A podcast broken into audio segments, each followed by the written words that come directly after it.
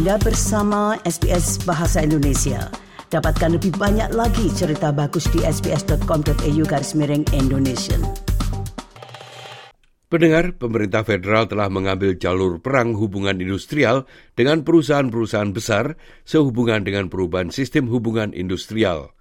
Partai Buruh akan memperkenalkan perombakan hubungan industrial pada minggu depan yang dirancang untuk melindungi pekerja gig ekonomi dan menetapkan kondisi untuk berbagai pekerjaan.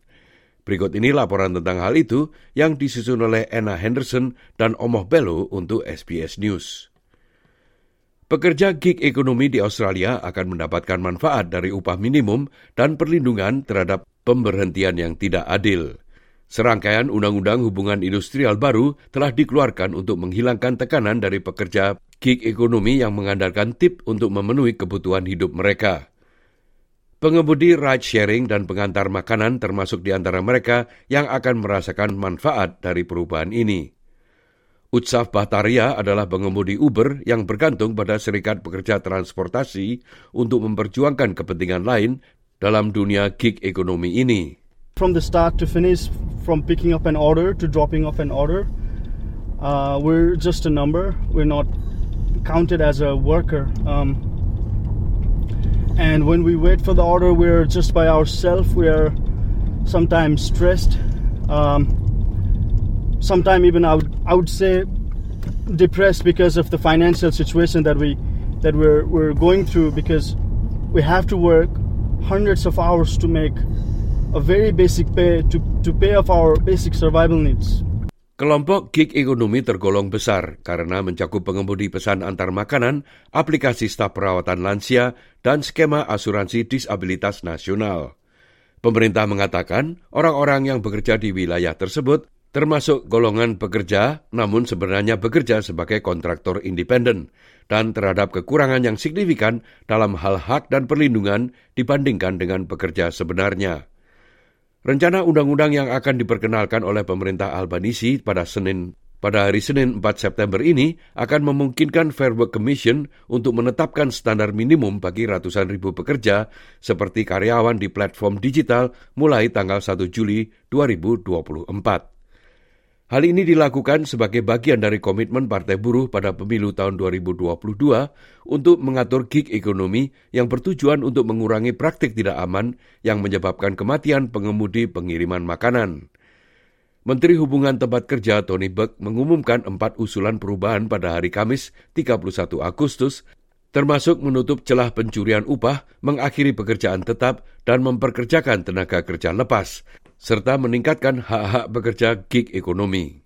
For the gig worker, who we've all seen, who is currently out there running red lights, going up onto the footpath, down onto the road, on the road creating an extra lane between the parked cars and the traffic, knowing that at any moment, if a car door opens, instead of riding between the lanes, they'll be lying beneath the traffic. They'll have some minimum standards. Closing these loopholes will change their lives. Pekerja yang menggunakan platform digital akan diklasifikasikan dan dilindungi berdasarkan perubahan tersebut dengan akses terhadap cuti sakit dan upah minimum. Namun, Tony Burke dari Partai Buruh mengklaim hal ini tidak akan berdampak pada kontraktor independen atau pedagang yang mempunyai otonomi tinggi. We are talking about some of the lowest paid people in Australia. And if that means there's a tiny bit extra that you pay when your pizza arrives to your door and they're more likely to be safe on the roads getting there, then I reckon that's a pretty small price to pay. Kelompok bisnis dan oposisi mengecam perubahan itu. Jennifer Westacott adalah Kepala Eksekutif Dewan Bisnis Australia. This will not close loopholes, it will create problems. It will hurt workers because it will hurt productivity, the key to getting higher wages. It will hurt small business at a time when they are struggling under the sea of red tape. It will cost consumers more. Government on the record today, it's going to cost you more for your pizza, for your, for your delivery. How much is it going to cost? That's going to hurt Australian consumers. The bill should not be passed. Para pemimpin pertambangan dan bisnis juga memperingatkan bahwa mereka akan melakukan upaya lobby untuk menghentikan rencana undang-undang itu. Tanya Konstabel adalah kepala eksekutif dari Dewan Mineral. This legislation drags in every part of the economy. That is driving up costs and it's driving up complexity for every business, and that's going to impact every consumer and every worker across Australia. At the end of the day, make no mistake, we're talking about less jobs. Sampai saat ini, terdapat 13 pekerja pengiriman tewas di jalan-jalan Australia dalam beberapa tahun terakhir. Utsaf Bataria berharap masa depan industri ini akan menjadi lebih baik. We're working in a multi-billion dollar companies, but we have nothing. We do not have any physical security.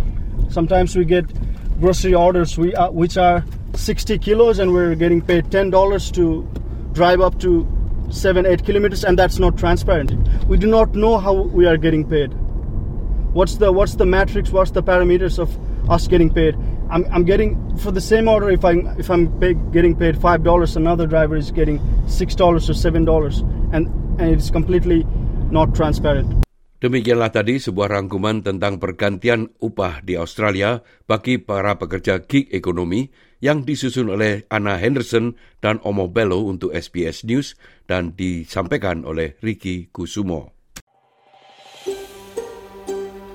Sukai, berbagi, komentar. Ikuti SBS program Bahasa Indonesia di Facebook.